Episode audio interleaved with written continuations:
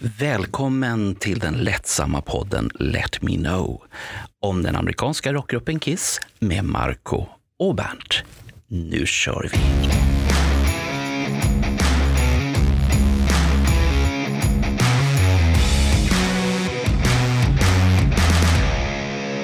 Recognize this song?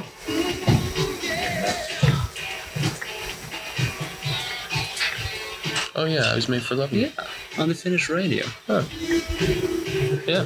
Here we are listening to Kiss. I was made for loving you. Sitting around uh, Oulu, Finland. Is that where we are? Yeah, we know Oulu, Finland. Oulu, Finland. Fantastic. Um, It's like being in Siberia, but do I know how it feels because when I went out, um, you think there'll be anybody at the concert tonight? if they Do can, people, do people live here? People yeah, actually live they here? do. This is one of uh, Finland's major cities. Oh, good.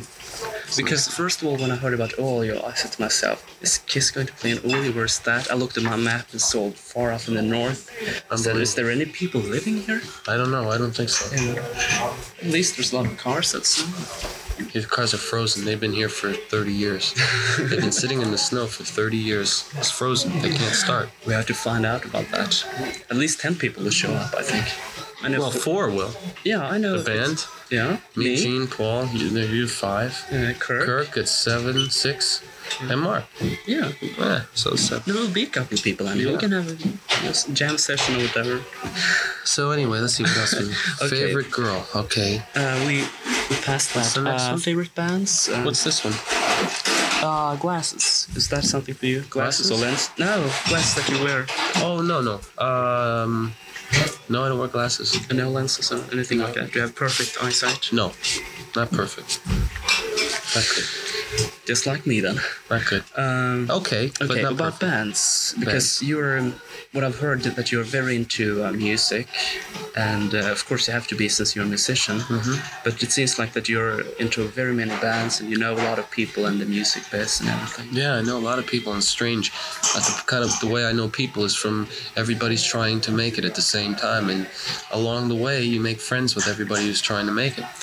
And um, matter of fact, I was just telling you here we were, we're reading Kerrang, and we see my friend here, Frankie Benelli, talking about Frankie. Hi, Frankie. And uh, Frankie Benelli is now playing with Quiet Riot, Yeah. and Frankie. I've known Frankie. We were both struggling together in L.A Yeah. and um, many times we talked about putting a band together and somehow we, we never got around to putting it together. We got close very close to putting a, a really great band hmm. together. We made plans but you know you involved in so many things that he in other words if you and i sat down and let's put a band together i think it could be a great band. In the meantime you have to make you know you, you're out doing other things Yeah. and trying to make a living. And you know i'm out doing the same thing. And but we always talked about it. And i'm glad to see he's now with a good band and he's uh, doing something good for himself. Yeah. because he's a great drummer.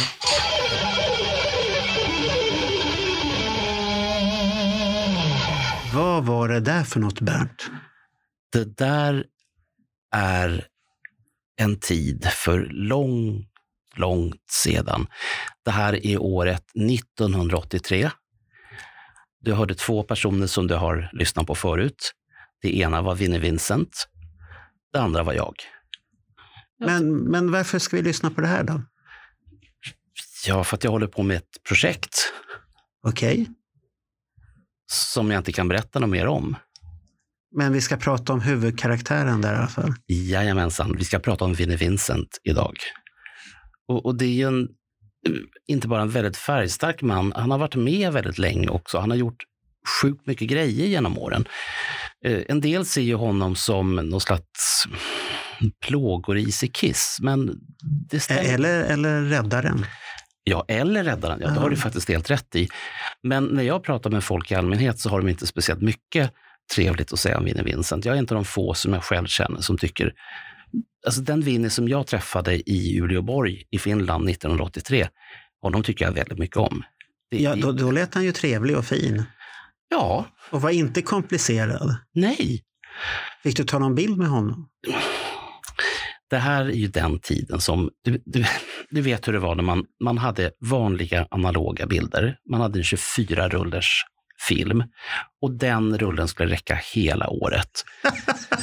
Så du, du, tog ingen bild med honom då? Nej, jag Åh, gjorde inte det. Ja, ja, det, det är det här att man är dumsnål. Ja, Det är så dyrt med film. Ja. Det, det var inte mycket dyrare än någonting annat, men man fick för sig det.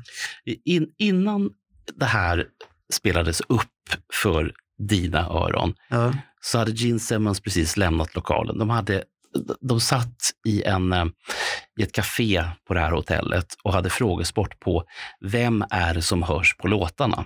För det var ju sån här restaurangmusik eh, som inte berättade eh, ja, vem som sjöng eller, eller någonting sånt, utan många av låtarna var instrumentala. Så där satt de i sin ensamhet.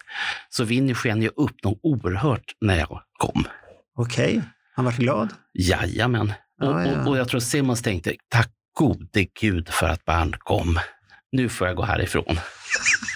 Du räddade Gene Simmons. Ja, Han trivdes inte i sällskapet där, nej. i, uppe i Oulu där det, det var kallt och Mm, Ant- Antarktis nästan som han. ja, det, Så, jag vet inte om den kommer vara med i Antarktis i klippet där men, Det- det- men det, jag lyssnar på hela så är det ju med där att han, Mm. han tycker det är för jävligt kallt där uppe. det, gjorde, det tyckte vi allihopa. Ja, och mörkt och det Ja. bor inga här. Nej. Nej, nej. Nej, men hela den här historien kring Vinny började ett par år innan.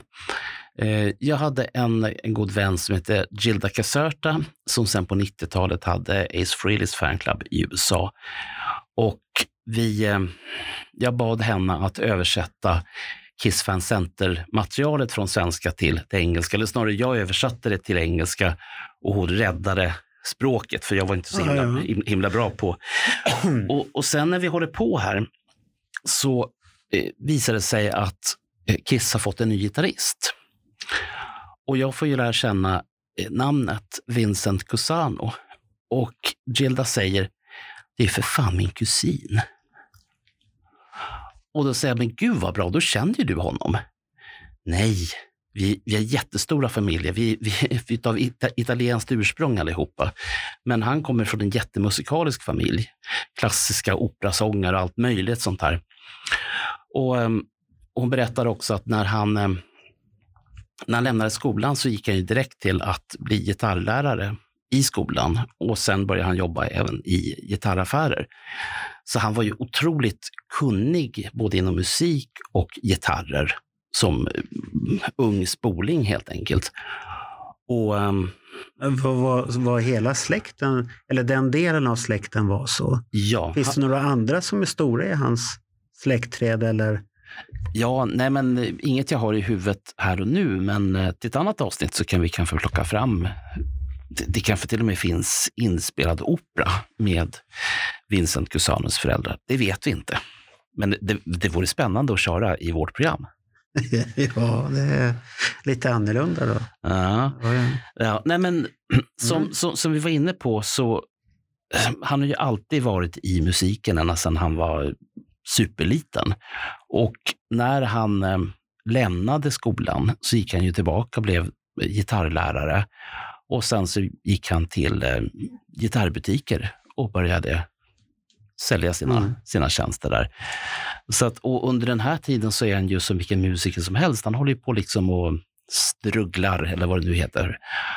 Och till slut så äh, träffar han några kompisar och de bildar ett band 77 som heter Treasure. Okej, det har jag aldrig hört talas om. Nej, Jag har inte sökt upp det i alla fall. nej. Men nu har du hört om det.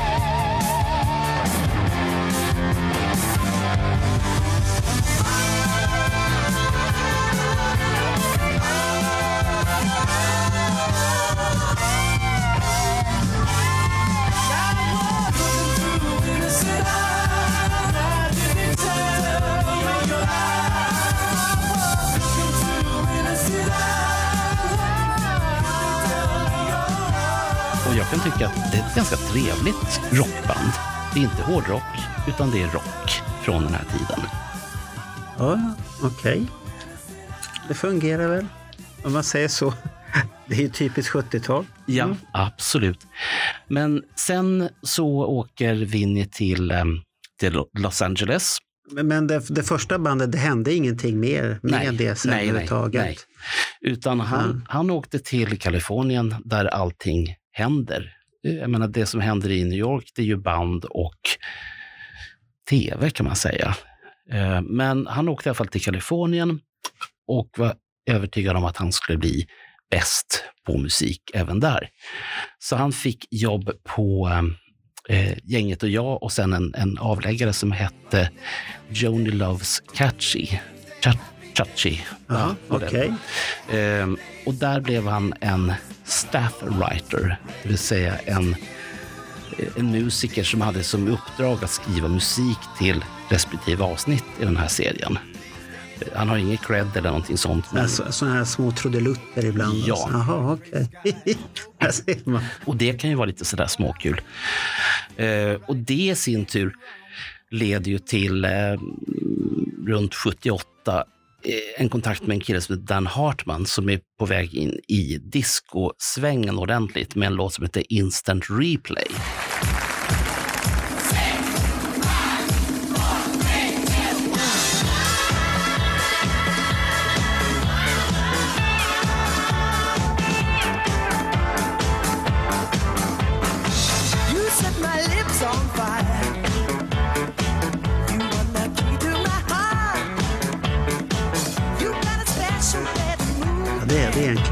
Ja, och alla har ju sett bilden där. Ja, jag, jag har sett videon på Youtube också. Ja. Den är riktigt busig. Fin mustasch han har där och fina byxor och alltihopa. Och de ser så käcka ut pojkarna när de spelar. Och... Men han är bara med på två av låtarna och det är en um, som heter Double O och en som heter Time and Space. Okej. Okay. Och sen han ändå i farten så finns det en visångerska som heter Laura Nyro som var ganska ny och jag tror hon hade väl fått ut, det här är väl hennes fjärde platta som heter Nesto. Och där blev han inhyrd som gitarrist. Har du båda i... Jajamensan, de finns båda utgivna. Så att... Men har du dem? Nej, inte fysiskt. Nej, du har inte dem bara digitalt? Mm. Okej. Okay. Den här Dan Hartman, där, ja. det, det, hade ju nästan varit en fanclub för dig. Ja, absolut. Jag menar, kan man ha en... men, men de kanske inte hördes 78 i Sverige? Nej. Alltså det, det var en discolåt. All, alla hade hört den, men ingen visste någonting om den. Nej. Och jag menar, ja, ja, okay. Vi har ju tidigare pratat om Village People och Village ja. People var ju i alla fall, det var ett känt... Ja, de var ju jättestora. Ja. Ja, så det går inte att jämföra. Så att det... Men det var ingen som ville bli Nej. medlem i den fanklubben. Det kan jag ju säga. Det kanske var tur det att vi inte visste att Vinnie Vincent var med. Annars hade vi titta nu är den där figuren med i Kiss. Okej, okay. Ja, ja, ja. Vad hände sen då? Jo, sen så går det ett, ett år. Och vi är framme vid 81 och han blir introducerad till en kille som heter Carmen Appis.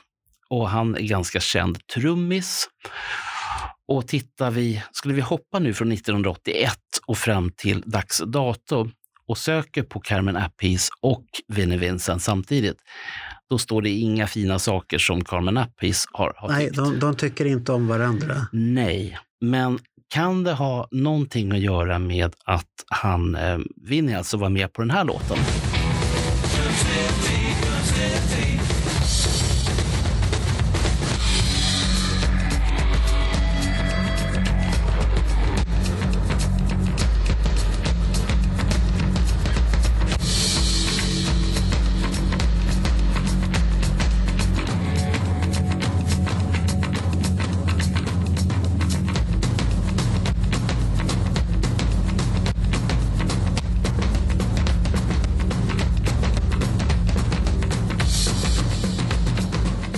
Drum City Rocker som vi lyssnar på det är en typisk Appis-låt från den här tiden. Sen, sen går det ett tag, eh, knappt ett år, och sen blir han kompis med en ganska känd Kiss-låtskrivare som heter Adam Mitchell. Han introducerar eh, Vinnie till Gene Simmons. Och eh, Sen kan vi ju historien hur, hur, hur Kiss har det under den här tiden. Det är Ace som inte finns och det är Peter som inte finns. Eller så han var ju försvunnen. Men det, det, var en jävla röra överhuvudtaget. Och det var mycket gästmusiker. Men Vinnie var då en utav de musiker som faktiskt fick komma in i, i värmen. Och sen skrev de ju massor med låtar ihop, både på Creatures, på Lick It Up, kanske Animalize. och i det här, och det här är jättesvårt att bena ut, när vad är inspelat och när. För någonstans här så kommer ju Peter Criss platta Let Me, Let Me Rock You ut. Den andra utav hans båda Ja. solalbum. Och på den här så finns den här låten med.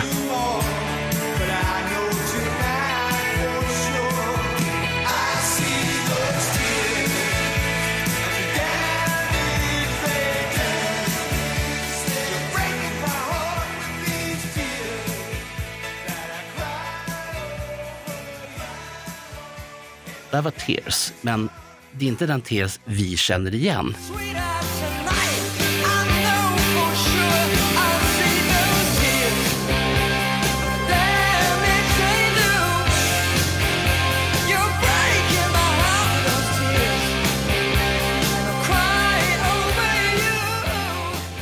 Istället då John Waite.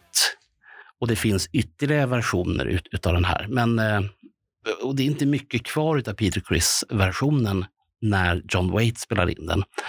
Men där, och även ytterligare en kille som får med den här på sin platta. Det är precis som att, ja men den här är bra, den vill jag ha med.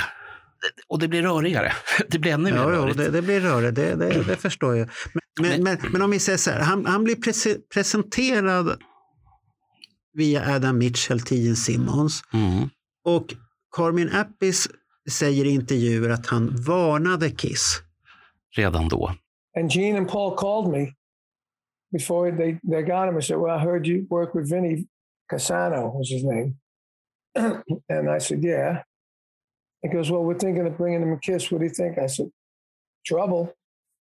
He's going to be trouble. A great player, good songwriter, but trouble. Ingen av dem lyssnar för Gene Simmons ser ju att det är en kreativ man. Mm. Han påverkar Gene Simmons på ett bra sätt och han gör bra låtar och sånt här. Så att Carmen Appis kanske har fel på den biten. Att han, han är duktig studiemusiker och sånt här. Mm. Men den andra biten, det vet ju inte Kiss om här ännu. Nej. Nej, Och ingen vet om det. nej. Därför att Carmen Appice delen är från 81, alltså året innan. Men som jag sa, att det som är rörigt, det är egentligen vilka plattor spelades in när och i vilken ordning. För bara för att en, en sak kommer ut så betyder inte det att den är inspelad precis innan, utan den kan vara inspelad kanske ett år innan eller, eller mer. Och eh, men det som händer som sagt, det är Creatures, det blir, eh, man åker på en världsturné först som sminkade till Sydamerika för den största Kiss-publiken som någonsin har Det, det var ingen världsturné, det var Sydamerika och USA. Ja, men det är väl, det är väl världen. Ja, det, det är typiskt USA, världsturné, världsspel, alltid. Okej, okej. och, Ja, ja. och, och de får spela för enorm, enormt stora publikskaror. ja. Och någonstans där när de är... I Sydamerika, Ja. men inte i USA. Nej, nej, nej, Nej. där går det inte så bra. Men det som händer där är att då föds ju den här tanken att kanske vi ska ta av sminket. Ja, det, den har jag aldrig förstått. Det, det kommer ju olika förklaringar där att det var dags hit och vi- de hade kommit så långt de kunde Mm. med sminket och allt det här. Men jag, jag köper inte det. För mig är det, finns det... Jag, jag är själv egen företagare. Man, man gör ibland, måste göra drastiska beslut och förändringar Mm. när man märker att nu kommer det inte in pengar. Mm. Det bara blöder pengar. Mm. Och då måste man göra någonting så att eh, oavsett hur stort man är i Sydamerika så var man ju inte stora på hemmaplan. Nej. Där hade man ju sjunkit som Titanic rakt ner. Och då var det väl det här ett sätt att göra Att, hela den här biten då. att återuppfinna Ja. Kiss Ja. helt enkelt. Men, men de var väl nöjda med Vinnie Vincent under Creatures Ja. Night-eran? Då, då Ja. var det väl inga problem med solosar och, Nej. och Och, sånt här och prat om att han var det och Mm. och, och samma sak när han var i Europa. Jag tillbringade tid med, med bandet i Bryssel, i, eh, ska vi se här, och i Finland. Eh, och på de spelningarna som jag var på och de presskonferenser jag var på, det var ju liksom ing, no hard feelings whatsoever. Så att mm, där var det ju aldrig någon gnäll, nej, nej. utan det var, en, det var en väldigt trevlig ton i bandet överhuvudtaget. Men hände det något sen i USA? Ja, Det är ju det som är frågan. 83 i USA, då har det hänt någonting. Och han börjar flippra ur på scen med solor och alltihopa det här. Kvart, kvarts långa solon. Ja, och som de kommer att bryta. Han han har ju tradition med sånt. Man kan hålla på länge om man vill. Ja, man kan hålla på länge, som man själv tycker är roligt. då, Men, men det, alltså hände det någonting i USA. Mm. Och det, det finns ju videos där man det ser att Paul bara avbryter det hela. Mm. Tycker att nu, nu är det bra. Mm. Och det, är kanske inte så roligt för honom då, men Nej, och då kanske de, vad vet jag, de kanske har pratat om det tidigare. Kan inte du tagga ner lite grann på dina solon? han hade ju aldrig skrivit på något papper.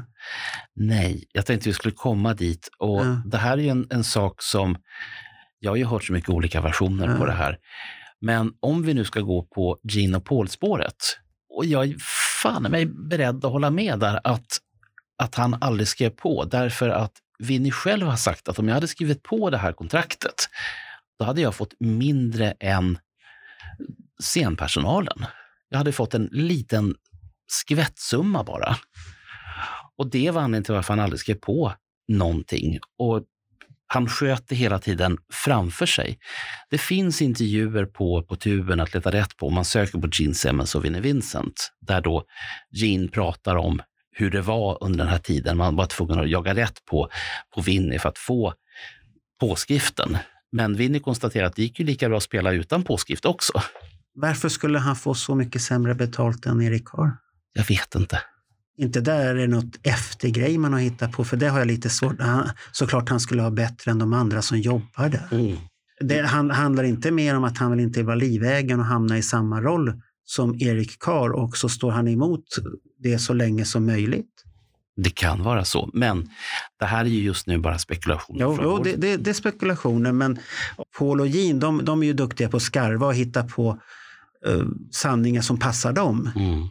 Eftersom det är de som Ja, det- skriver historien. Ja, det är de som skriver historien, det är de som är vinnarna. De har gått ur striden. Sen spelar det ingen roll vad någon annan säger, för att det är vi som står här. Mm. Det är vi som har startat det här. Vi vet hur historien är. Mm. Så, så att jag kan tänka mig att Vinny kanske ville bli mer än vad Erik Carr hade blivit. Och Erik hade, han hade ju sina bekymmer. Han ville ju synas mer. Han, Mm. ville ha, han ville ha längre solon. Han ville ha låtar med på plattan. Men han, till skillnad från Winnie, var en väldigt försynt eh, människa. Mm. Som, han ville inte bråka. Eh, Och de gångerna som han bråkade, då vart han rejält osams med Paul Stanley istället. Och även där så finns det ju berättelser kring, kring det här. Eh, Om man tänker sig att Eric Carr är en, en, en god och söt Mm. och fin människa som aldrig skulle bråka. Jo tack. Men, men du sa att han varit osams med Paul. Var han osams med Jean under samma period?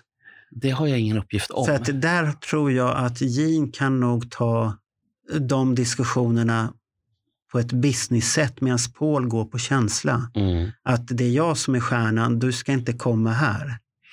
Och jag, jag får den känslan många gånger, de här situationerna med olika kontrakt hit och dit. Att Peter är inte värd det, du har inte gjort det. Jag, jag kan förstå, visst, du har harvat Kiss genom hela 80-talet och 90-talet och det.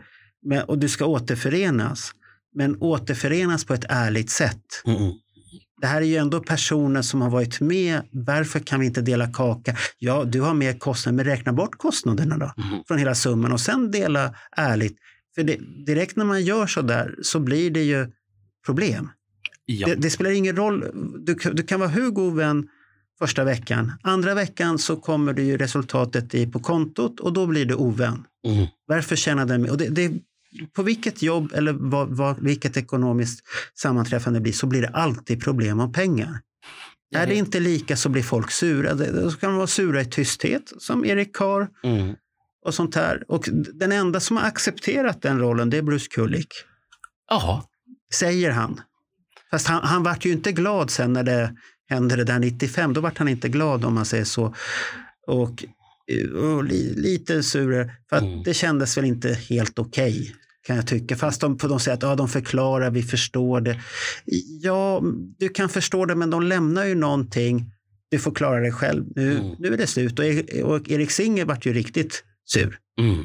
Men, men Winnie här, han kanske inte accepterade det här beteendet. Och jag tror att det är min sida att jag tror hur, vad man än läser böcker som Paul Stanley, han, han är väldigt duktig på eh, ja, peka på andra att de har gjort fel. Mm. Och det, men han ser oftast inte sig själv som orsaken. Och det, oftast om det är två stycken som blir, då är det, det är två stycken i den här Mm. grejen. Mm. Så att Vinny kanske har sin förklaring att han inte skrev på. Mm. Vem vet, det kanske är kontraktskrivningen som orsakar problemen i USA. För vi börjar närma oss slutet här. Nu kommer fortsättning. Ja. Och vi vill ha ditt namn på papper. Mm. För vi vill kunna styra dig Mm. och bestämma över dig. Du ska skriva låtar till oss för du är en jävel bra, bra på att skriva låtar. Du har fått oss framåt. Du har fått oss dit vad vi ska vara. Ja. Folk tycker att det är intressant att lyssna på. Och han vill inte och han, och han demonstrerar då med sina långa solon. Mm. Det är hans sätt att visa. För att han är ju väldigt timid annars när man ser honom lite försiktig så här. Och, så att han, är- han är ju inte den som står på barrikaden och skriker. Nej. Eh, Och i början på den här podden så hörde ni ju liksom att det här är en väldigt Mm. timid och försynt människa han också. Men samtidigt så tror jag att reta honom inte, för då spelar det. Ja, för att han, han har ett ego som ligger där och bubblar. Vad han, han vet vad han kan. Det Mm. ligger där och bubblar och så kommer det fram. Och, och det blir ju värre med tiden. Mm. Då kommer det ju fram och han vill visa. Sen, sen kan ju folk tycka att ja, han är en skitstövel. Det är det och det och det. Visst, men han, han kanske har en orsak till det också. Ja. Han vill inte bli blåst. Det är ingen som vill bli blåst. Nej. Jag har funderat så mycket på det här genom åren. Mm. Eh, Därför att ju mer, eh, framförallt amerikanska Kiss-fans, men även en del svenska Kiss-fans, säger det att ja, men, eh, han är ju bara en skitstövel. Det är en enkel lösning. Det är ett enkelt svar.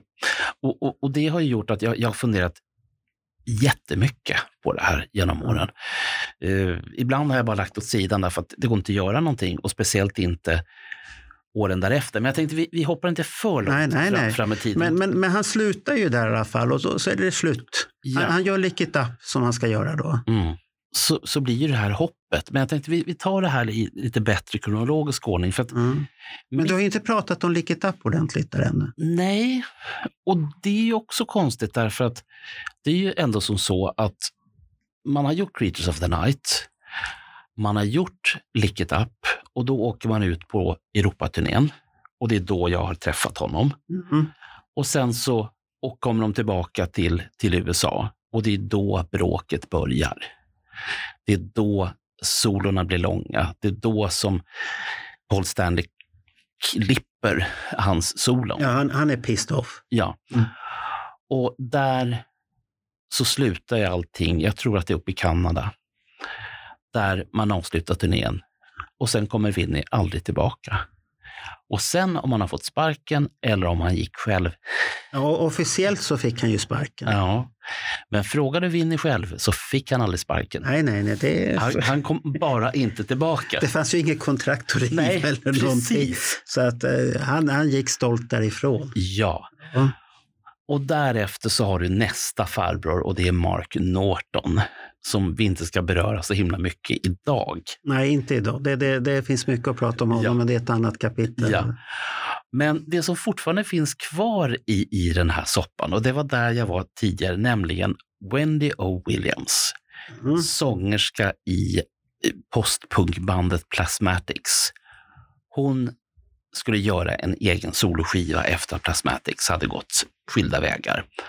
Och där så är hon under Gene Simmons beskydd. Och det här är ju under den tiden som han fortfarande är runt och producerar olika band. Och han lyckas få med sig inte bara sig själv, utan Paul Stanley är med, Eric Carr är med eh, och hör och häpna, Ace Frehley är med. Och lyssna på, på den här. Det här är en Vinnie Vincent-låt. Många Kiss-medlemmar medverkar.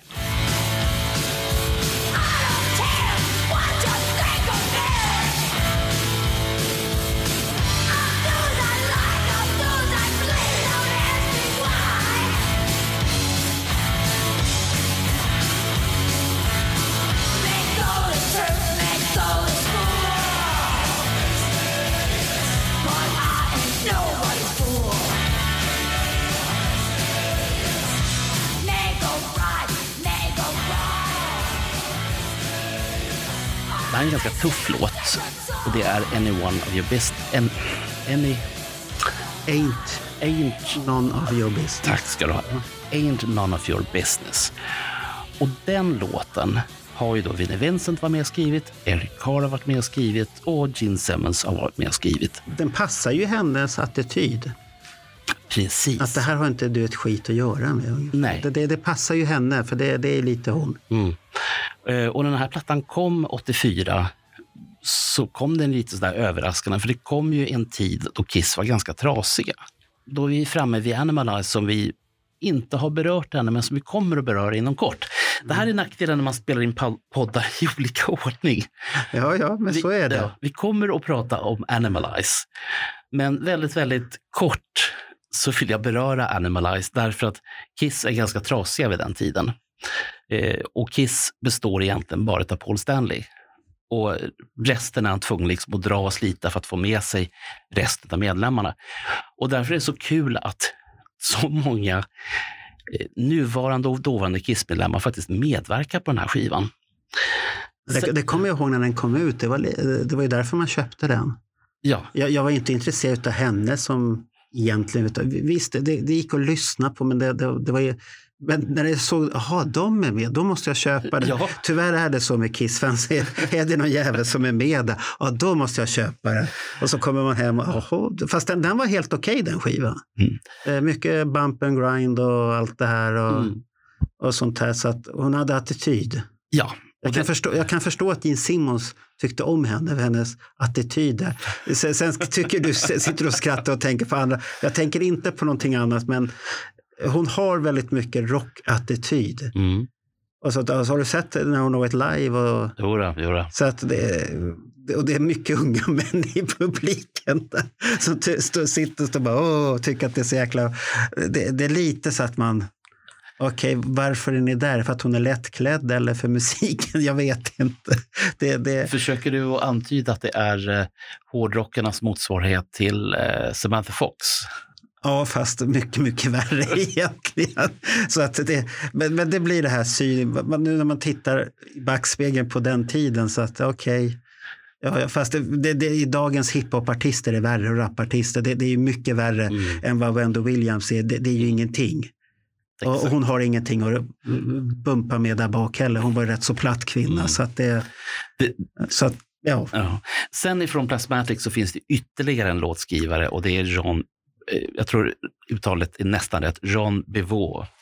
Mm. Han skrev ju sen låtar med Kiss-kollektivet längre fram. Och någon gång nu i höst så ska ju då Johan Kihlberg ha sitt A Vikings Kiss. ja, det blir intressant. Ja, och där så kommer den här farbrorn med.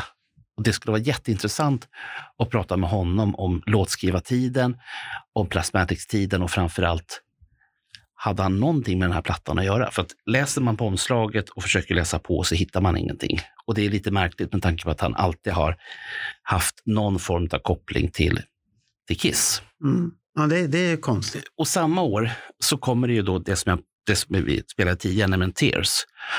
Och ehm, den landar ju på John Waite-skivan No Breaks. Men ehm, i mars 84 så då tar det ju slut, alltså med, mellan Vinnie och Kiss. Det har vi berört redan, men jag tänkte så att det är viktigt att sätta datum där.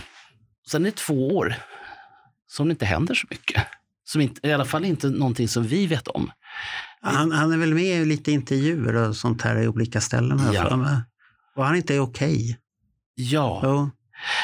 Och, och det här är så himla märkligt, för jag tittade i dag eh, på Wikipedia, för jag ville se, Ja. är det någonting jag missat när det gäller Vinnie Vincent? Och då står det att han, eh, för pengarna han fick från Kiss, då måste han alltså ha fått betalt, så gjorde han en, en jorden runt-resa. Och bland annat så hamnade han i Mora i Dalarna. Och det finns en länk till ett nummer utav Okej från 84 och en intervju med Vinnie Vincent. Men det står ingenting om vad han gjorde i Mora.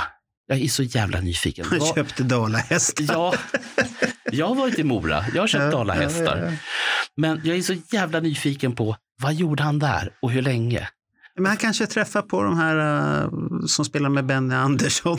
Vad heter Orsa? Spelmanslag. Orsa, ja, spelmanslaget. Och gned lite fiol eller något sånt där. Man vet ju aldrig. Ja, det, det, det vore intressant i alla fall. Men sen så kommer vi fram till, till 86, då första plattan är ute. Då, då är han tillbaka. Och det är då som getingboet börjar. Lyssna på det här.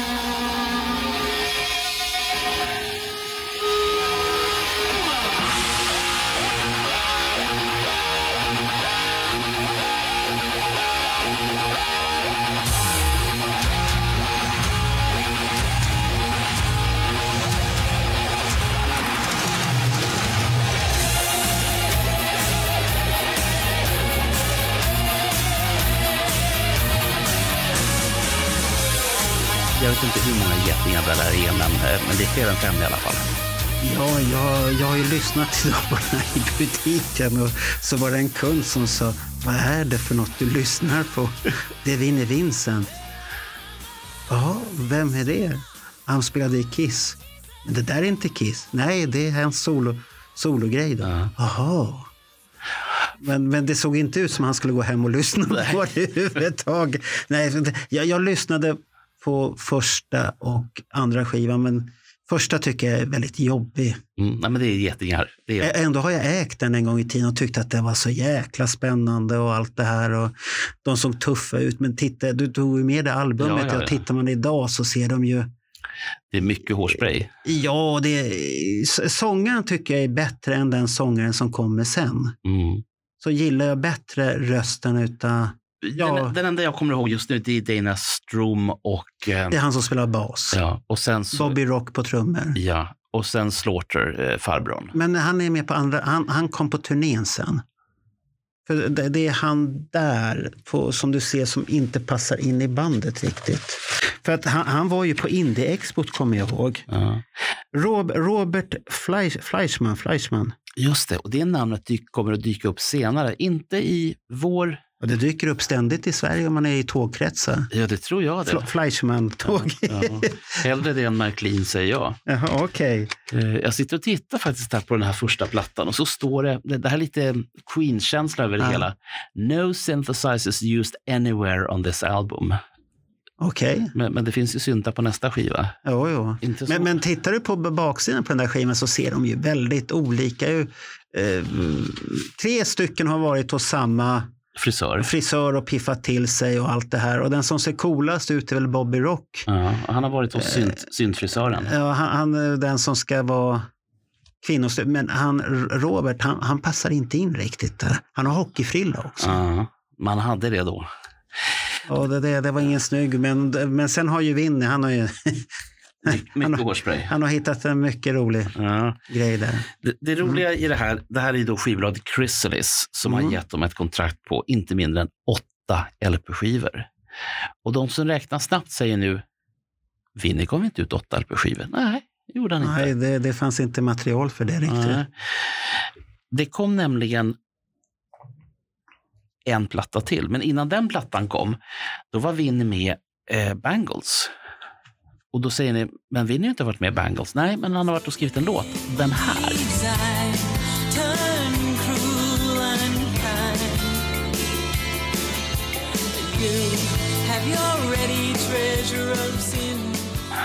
Eh, det här var låten Make a Play och den här har han skrivit ihop med en kvinna som heter Vicky Peterson. Jag har inte tagit reda på vem hon är, men Vinnie spelar också tolvsträngad gitarr på den här.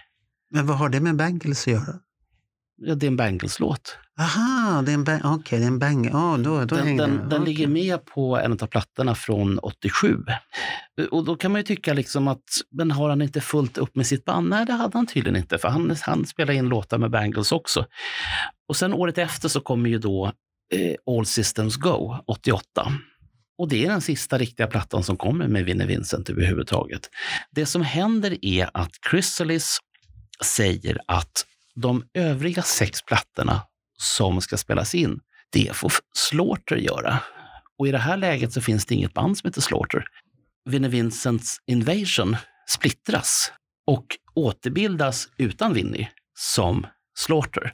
Slaughter som eh, jag och eh, Olle såg som förband till Kiss på turnén 1990. Men jag undrar fortfarande, kom det sex plattor med, med Slaughter? Nej, det gjorde det inte. Men, men när du säger att... Det, jag fick ju höra en annan version av Bobby Rock, trummisen då, Ja. i Helsingfors där. För då, då, det var ett Kiss-expo där. Och då var han gäst och berättade om det här eh, händelsen. För det var en som frågade varför sprack Vinnie Vincent Invasion för att allting såg så bra ut. Mm. Och han sa ju det där själv, allting såg bra ut. Men det fanns folk som inte ville att det skulle fortsätta. Och det är de här som hade pengarna. Alltså Chrysalis. Ja, men, men deras personliga managers och alltihopa, de ville ha andra band. För de såg att det fanns talanger där och det, då kanske man säger, ja men vi kan ju tjäna pengar på flera band här nu. Ja, plötsligt, precis som du har med pojkband, man splittrar dem Mm. och så blir det talanger här och, sen är det alltid några som inte platsar någonstans.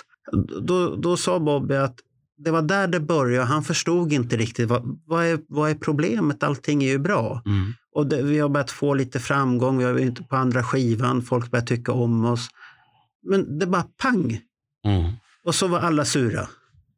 Och då bara splittrades åt alla håll och kanter. Mm. Medan det egentligen var ju Låter, ja. Mark Slaughter och uh, Dana Strum som var det nästa steget. Mm. Och Vinnie Vincent ville man bli av med. Så att eh, det, de, de påstår ju att Vinnie Vincent var ett praktarsel, det var problem hit och dit och dit. Okej, det het, hette ju Vinnie Vincent Invasion. De skulle spela för honom och det var, bandet har ju fått ett kontrakt tack vare det. Mm. Då får de ju ta det, men sen kanske de får egon och det är någon annan som påverkar sig lite magiskt bakom som det brukar bli och då, då får man en storhetsvansinne och hoppar på någonting annat. Mm. Och sen har man efterhand konstaterat att ja, Vinny var ett praktarsel och det är bla bla bla. Jag, jag köper inte riktigt det där om Bobby säger att det inte var några problem för Mm. helt plötsligt vart en dag, pang. Och sen, sen var det slut bara sa han. Och han sa ju det, det kändes jättekonstigt. Mm. för det, det, och det var det som var så, för att jag- vi träffade honom där och sen träffade jag honom på eh, expot i Indianapolis, var det året efter. Och då var det så roligt för att eh, vi sa att vi får ah, ja, så titta, ja, jag, jag tror jag känner igen och då var det direkt att det ska vara bild och allt det här. Och, och det kostade ingenting att ta bild med honom Nej, då överhuvudtaget. Så det var lite trevligt. Så att, han var väldigt trevlig och jag har köpt hans bok också. Så att den, den är intressant. Den är ju inte, han, han har ju spelat på många band och eh, när vi träffar honom där så är han ju till, i Lita Fords band. Då, då. Ah. Ja, så, då är han trummis. Han är, han är ju en duktig trummis Mm. och, och, och sånt här. Så det, det är intressant snubbe som inte har haft en spikrak karriär och hittat hem. Ungefär lite som Erik Singer. Man är hired gun Mm. på olika ställen fast man är duktig tills han har hittat ett hem. Mm. Så att det, det, det är lite. Så att jag, jag vet inte, var, var han med i Slaughter? Nej, han var aldrig med. Han, han kom med en skvätt i början på 2000-talet när man försökte återbilda Slaughter. Slaughter, som vi pratade om förut, de hade ju ett, eller de eller Vinnie Vincents Invasion hade i alla fall ett, skivkontrakt frikontrakt med Chrysalis på åtta skivor. Men det som händer när Slaughter har gjort två plattor är att Chrysalis upphör att existera. De blir uppköpta av EMI. EMI i sin tur har, de har fått en sjukdom som heter grunge. Så de släpper Slaughter helt och hållet. Alla sådana här stora frisyrer försvinner. Ja, och, det, och, och det, är, det är precis det här vi pratade om förra gången när Olle berättade om när grungen kom. ja. Parallellt med de här slåterplattorna, Ja. då har ju eh, Vinnie kissed and make up med, först då med Paul. Eh, de har ju då träffats och funnit varandra igen, börjat skriva låtar till Revenge. Och sen så eh, går även Vinnie till, till Jean, ber om ursäkt för allt skit som har varit och ja, kan vi kiss and make up? Och det tyckte väl Simon så att det var ju bra för de behövde låtar till, till sin Revenge-platta. Och den kom ju 92. Och lyssnar man noga på eh, vår förra podd där Olle berättar sin historia så finns det en, en i mina ögon sett en väldigt intressant Winnie-historia. Och den tänker inte jag spoila om inte ni har lyssnat på den. Nej. Och, och har ni lyssnat på den så... eh, Och samtidigt pratar vi om Revenge på samma avsnitt också. Ja, Så det, som jag tycker är en, en, en väldigt viktig platta som är Mm. bortglömd idag. Men grungen kommer, eh, pudelrockare och eh, hårspraysrockare, alla de här försvinner. Och mm, Vinny får inga jobb. Och vad han gör är att han sätter sig i sin studio och försöker att göra plattor. Men han är ju fortfarande inne på att det ska vara jättelånga gitarrsolon och låta otroligt mycket. Eh, han är en shredder, mm. som det heter. Det, det, det ska vara mycket. Jag kanske inte håller, håller med om det, men Men, men han, han var ju där i studion med Revenge, men han stämde ju dem sen. Och det, Igen. Ja, men det, det är så sjukt. Varför gör man det? Nu när man liksom har börjat komma på god fot med varandra, man kan skriva låtar ihop. Och de här låtarna måste ha gett ganska bra med pröjs eftersom Ja, men det, Revenge, var, det var kanske det det inte gjorde.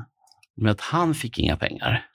Nej, det var, då, det var bistra tider. Ja. Pengarna kanske inte kom direkt som Paul och Jean sa att oj, vi gjorde det, men det dög inte, han skulle ha mer. Och ju- man, har- man skulder så har man oftast väldigt bra förklaringar till Mm. varför man, varför på sitt sätt, att man berättar sin version Mm. av det på ett väldigt positivt sätt. Och den som vill ha pengar är ju girig och Mm. elak och allt det här. Så att, eh, nu, nu är vi ju väldigt beskyddande har jag märkt nu under här samtalet till Vinnie Vincent. Att, men det är att vi försöker hitta, Förklaringar. hitta en förklaring till hans beteenden som kommer sen senare. Mm. Och det, det, det, det är kanske att han, han, han är van att bli blåst. Kan det vara så illa? Att han har hamnat i den sitsen att han, han blir alltid blåst. Mm. Han läser inte kontrakten, vägrar skriva på kontrakt och allt det här. För att han litar inte på någon. Eller så har han ingen person bredvid sig som, Kan läsa åt honom. ja, som kan läsa åt dem och hjälper och vill inte betala för det. Så kan det ju vara. Ja. Men vad hände efter det sen? Nej, men det, det som är intressant här är ju att eh, dels så kommer då den här EPn som heter Euphoria. Ja, usch ja. Det, är- det är mycket shred på den. Det är mycket shred och det, det, oh, jag har försökt lyssna. Det, det, han är ju jätteduktig men det är ingenting för mig. För den, den perioden med de här uh, gitarronani som det försiggick på 80-talet, Mm. den hade jag kommit över. Ja. Jag, hade, jag var knäpp där på 85 tror jag. Köpte mycket sådana. Vinnie, Ja. Vinnie Moore och Tony McAlpine. eh, Steve Vai och liknande gubbar. Och jag tyckte, ja det är så... Joe Satriani var den första som jag föll för. Då, då. Och eh, idag är det väl han och Steve Vai de som är kvar. Jag lyssnar Ja. på de andra lyssnar jag inte på. Men, men, men de har ju mjuknat till sig. De är ju... Och sen har de utvecklats. Ja. De, det har hänt någonting annat. Det är inte bara... Jag, Yngwie Malmsteen får vi inte glömma. Han var ju med i det paketet också. Mm. Du vet, man gillar I am the, I'm the Viking och allt det där. Och, Ja, nej, nej vi, vi öppnar inte nej, nej, nej. Men det, det, Malmsten-lådan. Det gör you want inte. to, not, vad, var det han sa? You want to unleash the fury. han sa. Vi ska inte släppa ut honom ur lådan. Nej, nej, nej, nej, för fan. Eh, Ja. men, men det som händer samma år i alla fall, det är Kiss Expo-besöken. Ja, de var roliga. Ja. Och, Och det här var andra Kiss-expot som Johan Kihlberg gjorde. var det 95 också? Nej, ni, det här var hösten 96. Höst, våren 90, var det 90, december? Nej, våren 95, 96 var första. Och sen gick den så bra och då körde man, skulle man köra den här sent Mm. på hösten. Den här andra då, då med Winnie. Som, och det, det, var, det lät ju på pappret jättebra. Det var två dagar. Mm. Men det vart bara en dag. Jag kommer ihåg att han stod ju på scen, men han gjorde ingenting. Och det är ett fenomen som kommer återkomma i hans liv, att han står på scen men gör ingenting. Och eh, sen var det signering till skiva och då kommer jag bara ihåg att den här eh, skivan Euphoria, den spelades ju så jävla högt över hela lokalen. Det var bara i och fy fan. Och det, jag, jag tyckte inte, den sålde inte in mig. Det, man satt där bara och försökte så här, Vinnie, Vinnie, skriv på den här och uff, den, där, den där skivan. Men det som är roligt där tycker jag, som vi ska tänka på det expot, det är att eh, Carl Linnaeus, som idag, precis idag, har släppt in sin senaste bok med Alex Bergdahl. De har fest där på Hard Rock Café idag. Samtidigt som Så vi... stort grattis till er båda. Det ska bli mycket intressant att läsa det. Men Carl Linnaeus hade gjort en fin bild. För det var en tecknings-tv för oss. Få Ah. träffa Winnie. Och så har vi en framtida poddgäst som är med där också. Tony Rosenholm. Han är också där. Kul! Och då är det världen så liten att de personerna kände inte jag då. Nej. Men jag känner dem idag. Det, det är väldigt roligt. Och på samma expo så fanns Niklas där. Kände inte honom då. Niklas Olsson. Ja, och jag har köpt DVD av honom där. Och andra personer som har varit där eh, träffade säkert Jonny Fredriksson och många andra, ja, ma- T-shirtmannen och många andra som jag har lärt känna sen efteråt. Mm. Men då kände jag bara, för då hade jag kommit in i det här och då var det Johan Kilberg, Anders Ringman som också var med arrangör på Expot där.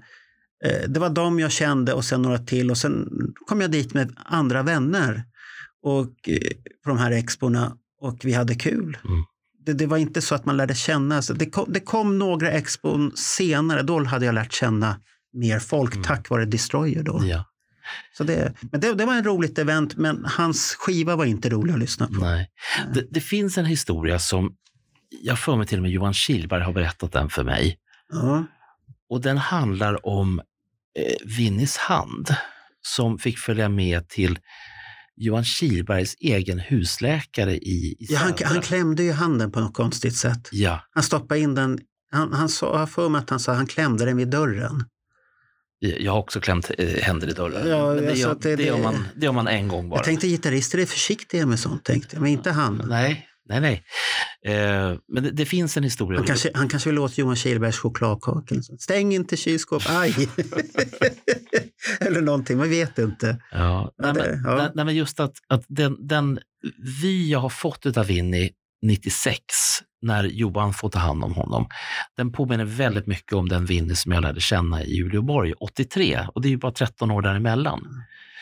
Sen, sen finns... Ja, ja, han, han var ju i Kihlbergs butik i Sätra. Jaså? Ja, där han varit. För då hade ju Johan, Kihlberg, det var ju där jag träffade honom första gången, och, som jag sagt förut. Och, eh, han var där, Vinnie Vincent, i butiken. Och sen vet jag att han var i någon studio. Men vad de gjorde i studion vet jag inte, för det var någon god vän till Kihlbergs studio de var. Vad han gjorde där, det, det måste vi fråga Kihlberg. Vad gjorde de där? Var det något hemligt som hände där? Eller spelades det in någonting som är värt hur mycket som helst där nu? Eller, Ja. Det vet man ju inte, men han var ute i Sätra. Mm. Det är li- lite fascinerande. Han har varit i Oulu och i Sätra. Ja. Han reser till konst. Och Mora fick vi inte Ja, glömma. precis. Mo- Mora Ja. vill jag veta mer om. Ja. Jag hoppas att det finns någon som lyssnar på det här som kan berätta om vad hände. Kom fram. Kom fram. Vad gjorde Vinnie i Mora? Eh, I alla fall, sen, Mm. sen eh, så överlämnar ju Johan Winnie till några andra eh, expo. Ja, det var, jag tror att det var Gerd... Nu kan inte jag namnet på dem. Det var någon Österrike eller tysk. Mm. Som ha- hade, han hade det där expot och de hade väl... Och då var Kihlbergs en del utav det som han fick kalla för sitt och på andra ställen kallas det, det, det var Österrike eller tysken Ja. tyckte att det skulle kallas och här uppe. Men det som är fascinerande är att det var enda stället han spelade med smink på. Det var i Stockholm. Den historien tycker jag är intressant. Som sagt, eftersom jag var utanför på den tiden. Mm. Ja, det, det var otur för dig. Ja, jag förstår Ja. det nu när vi sitter och, och tittar tillbaka i tiden. Men stämmer den här historien att han var sminkad? Japp, på scen. Ja. Sen Med röd hand. Ja, och sen så antingen så ringer han till Gene och berättar att han är i Stockholm och spelar i full sminkmundering. Eller så är det någon annan som ringer till Gene för han får ett absolut förbud att använda sig av sminket. Jag, jag vet inte om det är någon som har ringt eller inte. Det, det låter lite långsökt att någon skulle ha, eh, någon stockholmare skulle ha, det, det, det låter långsökt. Ja. Och varför skulle Johan ha berättat det? För att det, det? Ja, om inte han skulle vilja att det är unikt. Och jag tror inte han har den kontakten heller. Nej. Och den enda som skulle kunna ha sagt det, det är väl den här, i sådana fall den här um, öst, österrikaren, tysken som har haft kontakt för att det vart ju inte på några andra spelningar. Nej. Och eh, det, var, det var en överraskning i Stockholm och det finns ju bilder på det. Ja. Och sen att han slutade, han kanske fick kalla fötter och blev vart påmind och är du säker på det här? Mm. Och så måste man hitta på en historia sen för att backa upp den här osäkerheten som finns hos honom. Precis, och den kanske vi måste komma tillbaka Ja. till och, och klar, klargöra bättre. Ja, det, det, det. Men det, när han stod där på scen så var det ju, kom ihåg, det var Johan Kihlberg på trummor, Mats Wassfjord på bas, Anders Ringman fick ta över gitarrspelandet för Winnie hade ju en skadad hand Mm. som han visade väldigt tydligt att den var skadad. Och sen dess har den varit skadad tycker jag. Mm. Så att, eh, men det var de som spelade. Jag kommer ihåg det, det var väldigt lyckat och publiken tyckte att det var rätt så häftigt. Det var ju en häftig grej. Mm. Och se det där de körde de här klassiska. Och han stod mest och poserade glatt som en amerikan brukar göra. Le snällt med Coca-Cola-smilet och tycka med, och ser ut som Jokern egentligen där uppe. Ja. Och eh, tänka sig att det här var ju roligt. Mm. Så att eh, det var, det var, men det, det roliga var att han tog ju kort sen med de här som hade vunnit eh, teckningstävlingen där. Ja, Eh, det finns ju en bild där han står med dem med full sminkning. inklusive Carl Lidén. Ja, alla, alla de här står. Jag har, för, jag har för mig att den var med i Destroyer till och med. När de står där i första numret. De är alla på bild. Eller var det andra numret måste det ha varit. Eh, Så står de alla på bild där och eh, det, det, är, en det är en rätt så fascinerande bild. Så här, så här, man skulle kunna ha en tidskapsel. Att Ja. här, här har vi tagit en bild på ett unikt tillfälle som egentligen inte kommer ske igen förrän många år senare. Mm. 2018. Ja, då, då sker det igen. Och han, han, eh, där, där kan vi diskutera, men han fick väl inga samtal då heller. Jag, jag tror inte på det där med samtal. Det, det låter långsökt. Vad fan ska de bry sig om den där pajasen? Det, det var ju inte så att alla satt med internettelefoner 96. Nej, nej. Och jag, kan tänka mig Paul säger det var det fulaste jävla sminkning jag kommit på någonsin. Mm. Han kan ha den och behålla den där jävla vingmuttern i ansiktet där och skiter om man har det. Så, men man kanske vill göra det häftigt. Mm. och bygga på en story och en image om sig själv som är mycket större än vad den är. Ja. Det, sen, sen undrar jag så här, efter det här expot Mm. och efter att farbror Österriken får ta hand om honom, vad händer mellan det och januari 2018? Vad vet du om den tiden? För det är en ganska lång tid mellan 97 och 2018. In, ingenting egentligen. Det är bara så ungefär som man tynar bort. Mm. Han finns där men sen tynar han bort och man tänker inte på det. Man pratar väl om det, eh, om, om Winnie, men det är ingen som vet. Sen, sen kom det väl de här smaskiga historierna som inte du ville prata om. Mm. Och lite så. Sen dog det ut igen och sen kom den här eh, dokumentären som jag tycker är ett stort jävla fiasko egentligen. Där man påstår det ena och det andra. Och sen, ja den här svenska. Ja, ja, nej, Ja. Jag, jag vet vad du pratar om. Och eh, sen kommer han ju ut precis en vecka innan den ska ha premiär och säger jag ska vara med där och, Ja. Och det här, eh, ja han vill vara en kvinna, han vill inte syn. Det, det följer alltihopa där. Ja. Sen, sen kanske de var på rätt spår och han har återhämtat sig och tänkt det här var inte så jävla roligt, nu får vi åter. Eller så vart han kontaktad med en bra sedelbunt att nu är det tillbaka till comeback. Och Mm. vad jag förstod så var ju den comebacken 2018 när han visade upp sig och, och folk tog bilder. Det var ju en magisk situation för de som var där. Och det, jag vet att Patrik Larsson var där, Nils var där, Arjen, holländaren som är stort Kiss-fan var där och sen var det väl, tror Daniel och Kattis var, jag, jag, jag vågar inte svära på Mm. det, men jag tror att någon av dem var där, för jag har sett det på bild. För Patrik Larsson har filmat, de är lite jobbiga att titta på för han flänger hit och dit med kameran och han, han är med i stunden lite. Så, Jo, jag, jag, jag men, men det är ju bilder och man ser ju hur de förväntansfulla de är. Han kommer dit, han sitter och pratar. Och han är ju väldigt ödmjuk och han är ju tillbaka till den här um, karaktären som är Olo. Det är, det är ingen stöddig person som är där. Nej. Väldigt ödmjuk och eh, känner sig älskad för att han blir hyllad och folk tycker Mm. att det är roligt att se honom. Men, men jag har för mig att han framför ingenting, eller plinkar han lite på en gitarr? Jag kommer inte ihåg. Jag får mig att det kommer en gitarr. Ja, då kanske han plinkar, men det, det är ju inga stora Nej, grejer. nej, Men, men det var en stor upplevelse för dem som var där. Och jag kan tänka mig att alla tänkte att det här kanske är enda chansen att se honom. Mm. Men sen har han ju dykt upp på olika event sen med sminkningar hit och dit och lovat det ena och det andra. Och det har väl mer varit på alla de här eventen han har så är det mer försäljning. Mm. Här, här kommer försäljaren, nu ska ni köpa det och jag signerar om ni köper det. Och mycket privata event med stängda dörrar, inga videofilmningar, Mm. inga mobiler, ingenting får vara uppe. Nej. För det ska vara så himla hemligt alltihop. Han är en hemlig person. En garbo helt enkelt. Ja, ja det, det är lite garbo och sånt här. Då, då blir det ju det här att bilda sig myt och alla säger kan han spela? Vet vi någonting? Och det var ju det enda vi skulle få prov på här i Nashville. Nu skulle det äntligen komma fram. Så, Så vi, det- vi ska alltså göra ett rejält jättehopp från 97 Mm.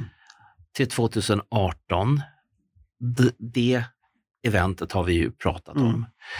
Och nu är vi framme. Och, och det, det var ju ett bra event säger många. Ja, Många säger att det var bra, men jag vet inte hur stor Vinnies roll var i det eventet. Han, han var väl uppe med något band men ja, han plinkade lite på gitarren och sånt här. Men och de här privata Ja. eventen som du Ja. pratade om. ja, de här privata eventen, det, det har ju varit en klick amerikanare som går på de där. Mm. Och de hyllar ju honom och då, då vet man inte, är de så jävla fascinerade av honom att man ser upp som en gud? Och då spelar det ingen roll vad han gör.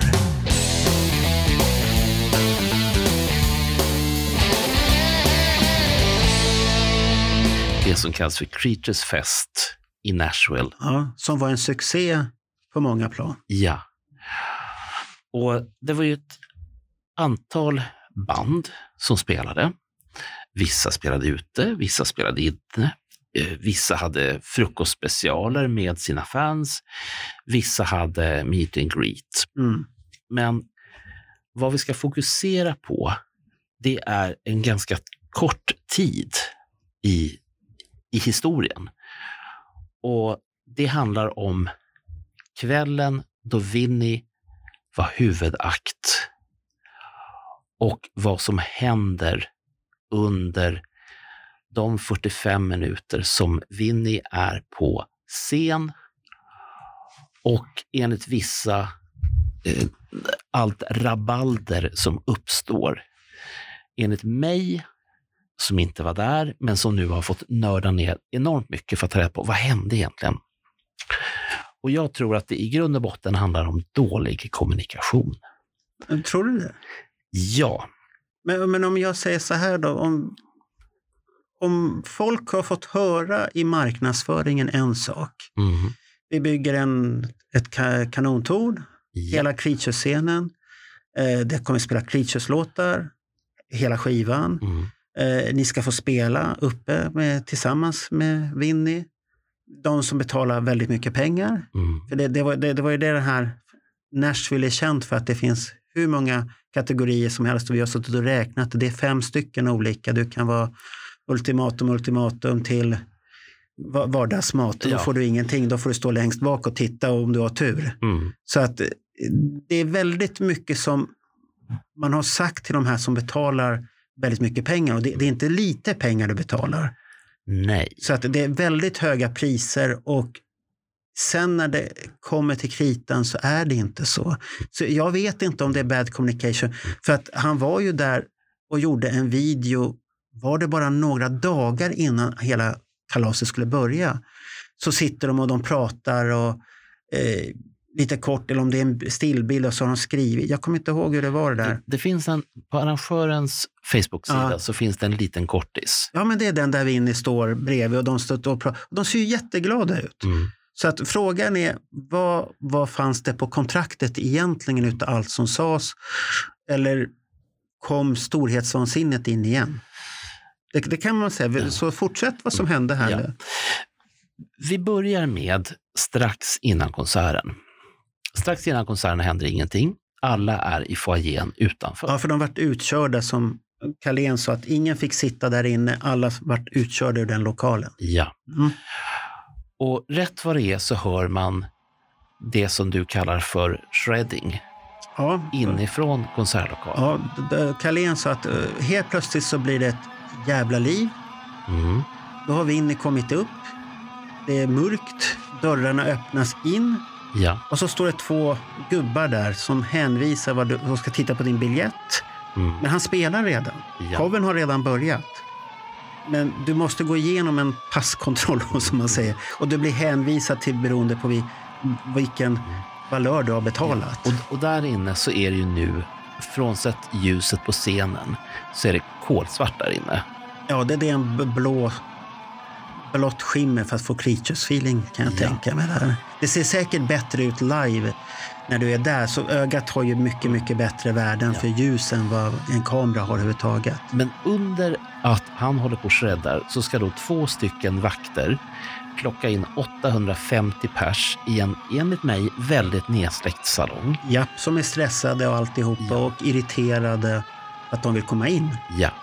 Och de har fått reda på en sak till, de här två vakterna, nämligen att absolut ingen som helst inspelning får förekomma.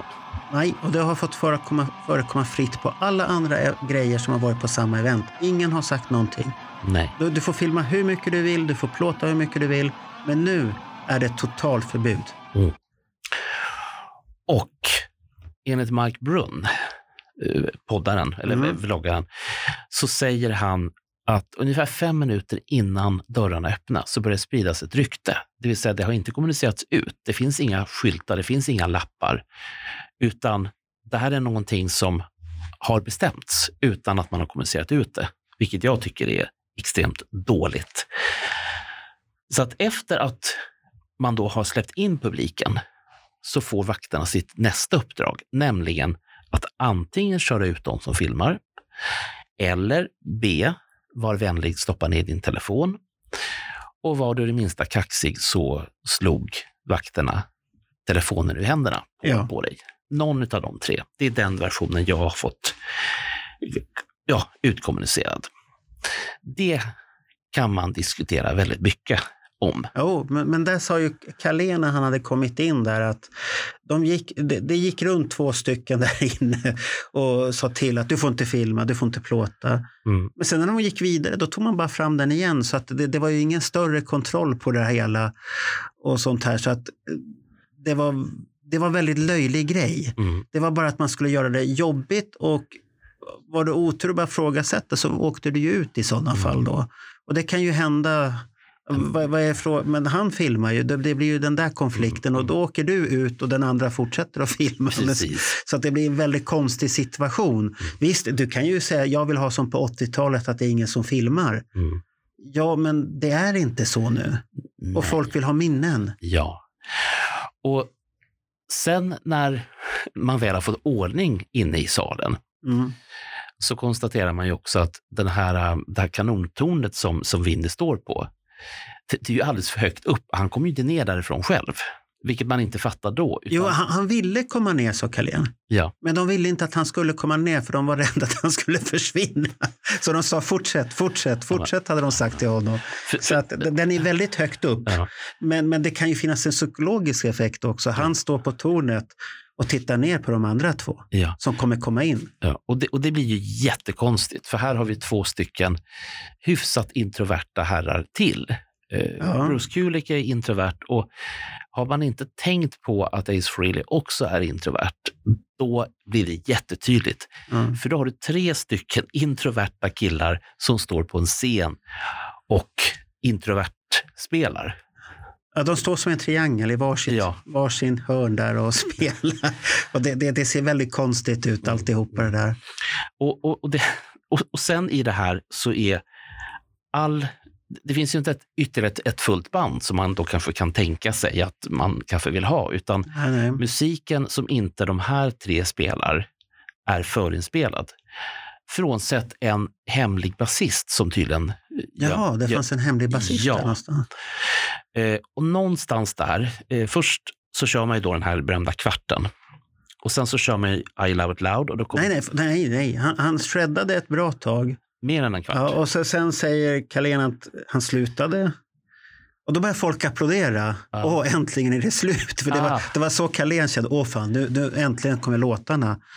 Jaha, tänkte Vinny, det här, det här var folk gillar det, så vi kör lite till. Så han satte igång champagnekorken igen och shreddade där ett tag till.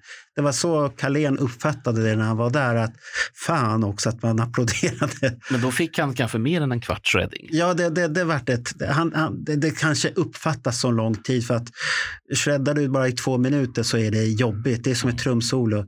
Tre minuter och fy fan hur länge ska han hålla på egentligen?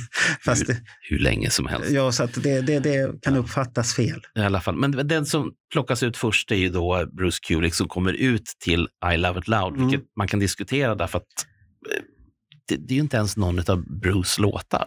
Nej, Det är ju en, två år innan han ens kommer med i bandet. Men där kommer han ut och sen så har du ju eh, War Machine. Eh, då är det Vinnie och Bruce fortfarande. Och sen så kommer Ace men men vem spelar solorna på War Machine? Är det fortfarande Bruce som spelar solorna? Jag har för mig att det, det, jag läste någonstans att det är Bruce som spelar, det är inte Vinny. Då har vi den här magiska handen som är, det, Ja. det, det, den funkar att shredda men inte funkar och att spela. Nej, det, så, det, så kan det, vara. Sen så, så kommer då Ace Frehley ut. Och det är nu det blir kaosigt. Okej. Deluxe. För Ace har fått reda på att han ska spela på Deuce. Men när trummspåret drar igång så är det inte Deuce utan det är Cold Gin. Ja, okej. Och Ace spelar förstås de stämmorna han har lärt sig till, till Deuce. Ja. Eh, och då blir ju förvirringen total. Och då ändrar man spåret så att det blir Deuce. Och Ace fattar och börjar då spela Cold Gin istället. Jaha, okej. Och så stannar de spåret en gång till och det är då som Ace utbrister att, att ge mig bara en trummis så kan jag spela till vad som helst. Ja, han, han var trött på det där Ja. hela spektaklet där. Men, men, men det slutar med att det blir Deuce i alla fall. Ja. Och det ska alltså totalt ha varit fyra låtar. Eh, sen beror det på hur man räknar shredden. Då. Om, om det är realtid, då är det 45 minuter. Nej, för, för vem- det en låt. Ja, ja. Hans Euphoria var ju så. Det här är sådana låtar. Så det är en låt. Så, att, eh, så där har du liksom den här Vinny-historien. Det är varken mer eller mindre. Han, han säger ju ingenting till fansen, sä- säger alla. Han säger ingenting. Han är tyst, sa Carlén. Han säger ingenting. Han, han hälsar på de här som står i de här lyxbåsen. Ja. Vä- Väldigt de här ultimata pitten, eller vad den hette. Ja. De, hälsar han på sträcker handen lite. Så här, de får röra på Gud lite. Och, nu, och nu, nu är de glada. Och eh, Carlén sa ju att eh, det där var ju ingenting jag hade behövt se. Det, det, det var bara hopplöst fall. Det, det hade varit bättre om han inte hade spelat någonting. Det, han sa det här med bandet han skulle spela låtar, vad var det? Det var det han hade sett fram emot. Ingenting utav det. Mm. Och han sa det att jag är glad att jag bara betalade VIP-biljetten. Den, den var tillräckligt dyr ändå. Det var nästan över 3000 spänn vad jag kunde räkna se på dollarn där. För den står ju nästan på 10 spänn. Ja. Så att det, jag har med att det var 3200 spänn. Men tänk de som står längst fram och har betalt 15 och sen finns det de som har betalt 20. Sen var det de som kunde betalt bås för 25 000 där du står i ett VIP-bås. Och du bjuder in de här gästerna där. Och, och, och till saken hör ju att du har ingen skidbacke, du har ingenting, utan det är, det är en kongressal Ja, där man då har delat upp det här kongressrummet med kravallstaket i olika små bås. ja. Jag vet inte hur glad jag hade varit över det här, men folk är ju olika. Nej, men, men det är ju som Carl- Carlén sa, att eh, det där funkade väl någorlunda bra för att man visste vad man hade betalt. Men han sa att det, det var ju bättre på Indie-expot som jag och han var och Jonny och eh, flygare var på. att Det, det var mycket, mycket, mycket bättre organiserat. Mm. Så där var det upp till dig. Vill du stå långt fram, ja då går du dit i tid. Mm. Vill du, vill du inte det, du kan vara laid back, men du kunde komma fram väldigt nära. Så att jag stod ju jättenära scen där när Bob Kulick spelade ihop med Bruce och det här. Och jag stod på Bob Kulick-sidan och han stod och posade för kameran och sånt där. Det var ju jättehäftigt. Ja. och få se och min, en av mina favoritlåtar, All American Man, kom igång. Det var, han såg ju att jag såg jätteglad ut, för det var så här, ja, min favorit. Det, det är en favoritlåt för mig om man säger så, när man spelar det. Och så att han sa att den här organisationen, den, var inte bra. För den funkade på alla andra för att där var artisterna med på noterna. Men Vinny ville ha sin egen agenda. Mm. Och han flyttades ju fram också, för han skulle ha spelat mycket senare. Mm. Men han flyttades fram och där började väl kaoset. Och varför han inte sen spelar med bandet som är utlovat eller någonting, det förstår jag inte. Han har ju sålt saker som inte stämmer. Mm. Får, får de här tillbaks pengarna då? Men vänta, är det han som har sålt in det här eller är det arrangören som har sålt Ja, men han måste ha sett alltihopa. Han, han är inte blind. Han, är, han måste ju ha googlat på och tittat på Facebook och tittat på sidan. Han, han, han ser ju. Är det inte sant så säger man ju till. Så, så jävla eh, blind kan du inte vara. Nej, jag ska inte titta vad som... Oj, står det så här? Nej, det, det, det, det kan jag inte tänka mig. Så jävla dum människa finns det inte idag. Vi har ju inte sett kontrakten, vi har Nej. inte sett avtalen. Men, men kan det vara så att det kommer en annan möjlighet att han tycker att värdet på honom har ökat? Det är en intressant fråga. Ja, det, det, det värdet har ökat på mig. Det är som en aktie. Nu är den uppe. Hallå? Vi- Vill du dra en parallell till LP-skivor? Att eh, 93 så slängde folk LP-skivor i återvinningarna. Ja, och nu samlar man på dem igen. Ja, och så betalar man tre gånger mer för en LP än för en Ja. CD. Är det, är det, är det lite... Lite, lite långsökt så kan man väl säga det att han har kommit på att värdet har ökat på honom. Men samtidigt har den gjort det. Där, har du ju det här med att värdet handlar ju om vad fansen vill ge. Ja, ja nu, nu kom du på med det här.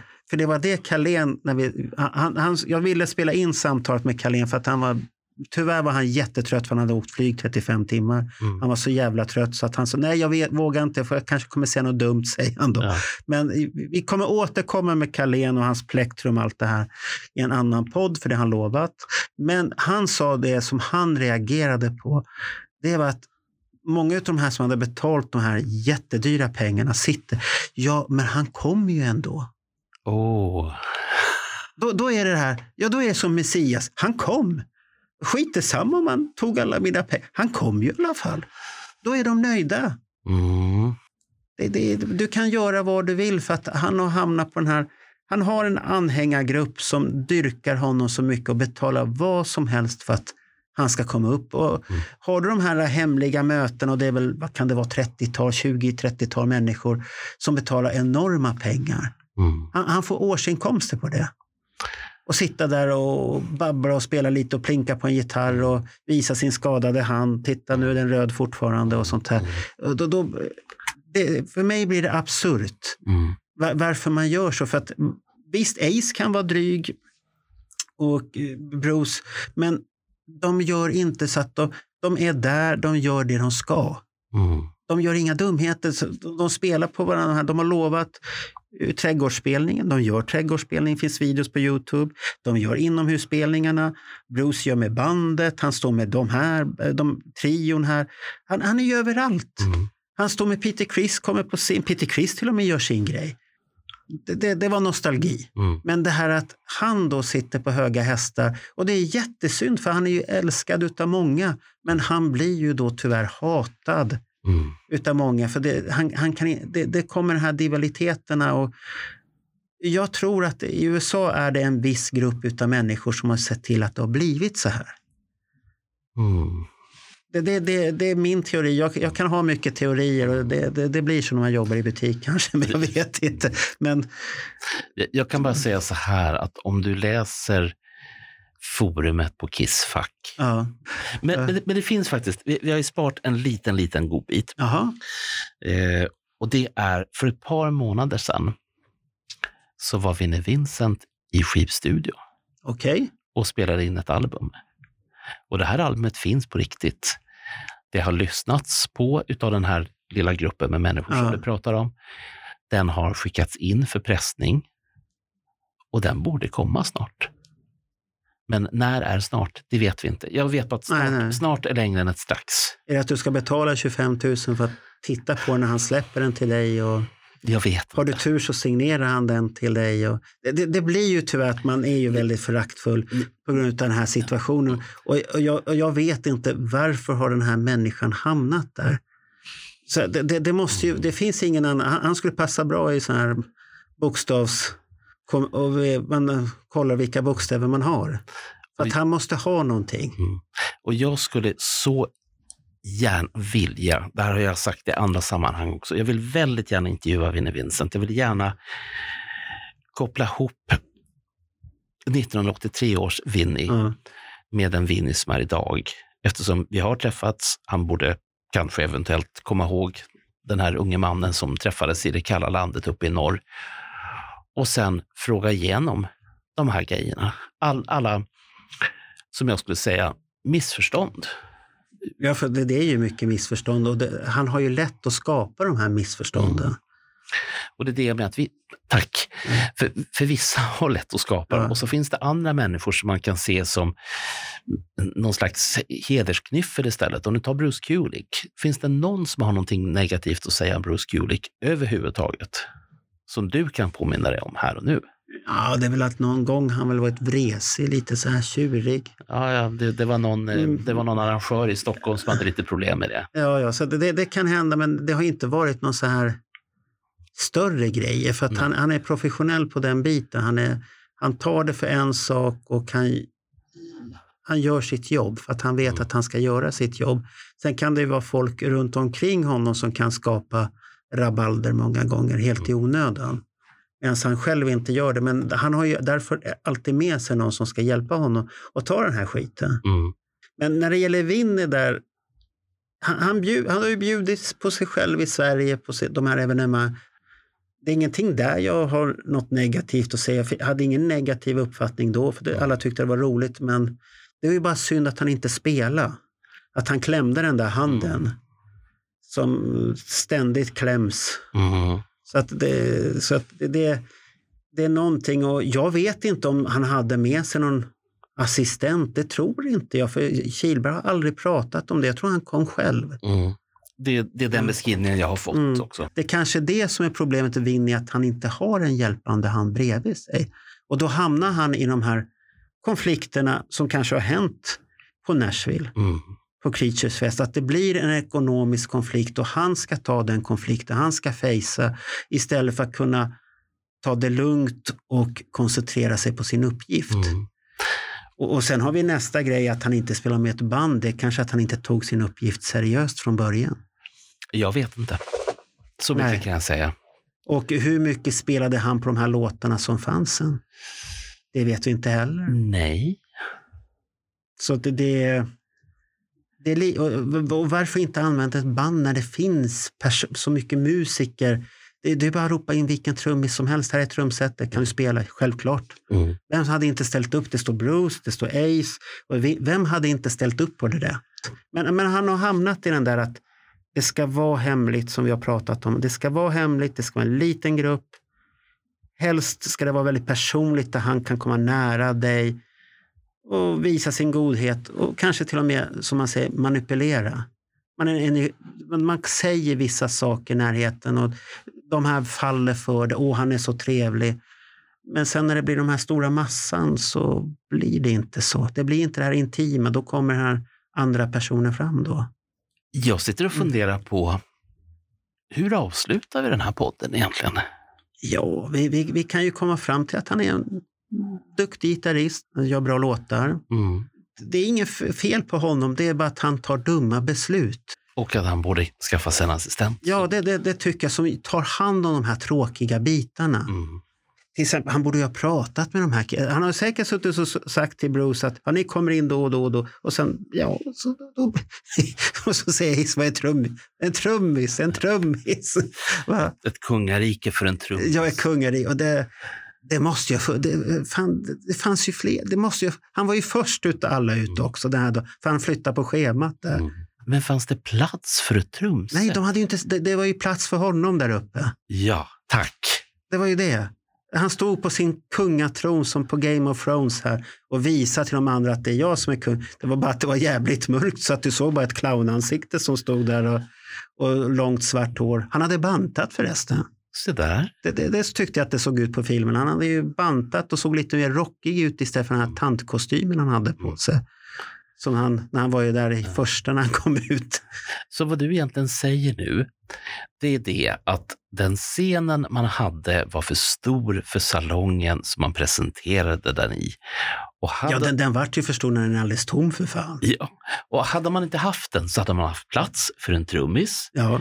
Och kanske några av musikerna från de andra banden. Och, och, och sen till exempel det här som Carlén sa, vad var röken?